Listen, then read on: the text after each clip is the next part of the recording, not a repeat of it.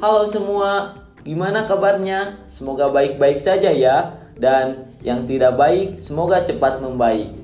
Kalian pasti masih asing kan dengan suara saya?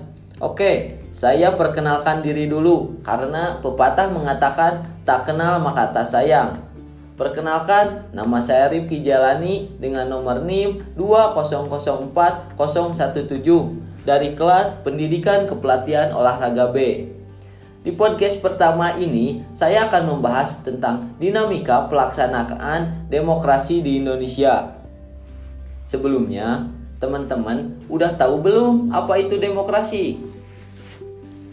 Langsung saja, demokrasi merupakan sebuah sistem pemerintahan di mana diselenggarakan dari rakyat, oleh rakyat, dan untuk rakyat, serta dari sistem sosial dan politik dari pemerintahan dengan kekuasaan pemerintah yang dibatasi mengenai hukum dan kebiasaan untuk melindungi hak perorangan warga negara Indonesia.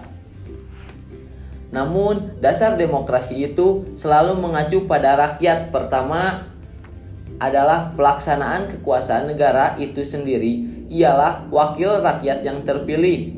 Karena rakyat yakin segala kepentingannya akan diperhatikan yang kedua adalah mengenai cara melaksanakan kekuasaan negara dengan senantiasa mengingat kehendak rakyat dan memenuhi kehendak rakyat.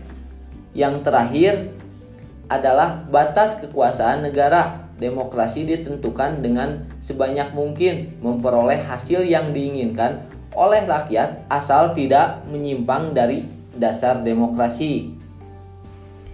Sedangkan dalam penerapan di negara kesatuan Republik Indonesia, demokrasi itu sendiri dapat dipandang sebagai suatu mekanis medan cita-cita hidup berkelompok yang ada di dalam UUD 1945 yang disebutkan kerakyatan. Mengenai demokrasi yang pernah diterapkan pertama kali di Indonesia adalah menganut sistem demokrasi parlementer yang biasanya disebut dengan demokrasi liberal. Dalam demokrasi liberal itu membawa dampak yang sangat luar biasa, yaitu dalam mempengaruhi keadaan situasi dan politik yang ada di Indonesia pada waktu itu. Yang kedua, diterapkan adalah demokrasi terpimpin di mana menganut seluruh keputusan serta pemikiran hanya berpusat pada kepemimpinannya saja, yaitu dalam masalah dilihat dari segi keamanan, dari segi perekonomian, dan dari segi politik. Yang terakhir yang diterapkan adalah demokrasi Pancasila. Yang dimaksud demokrasi Pancasila di sini adalah mengenai demokrasi konstitusional yang mekanismenya mengenai kedaulatan rakyat dalam penyelenggaraan negara yang berdasarkan UUD 1945. Sekian pemaparan dari saya.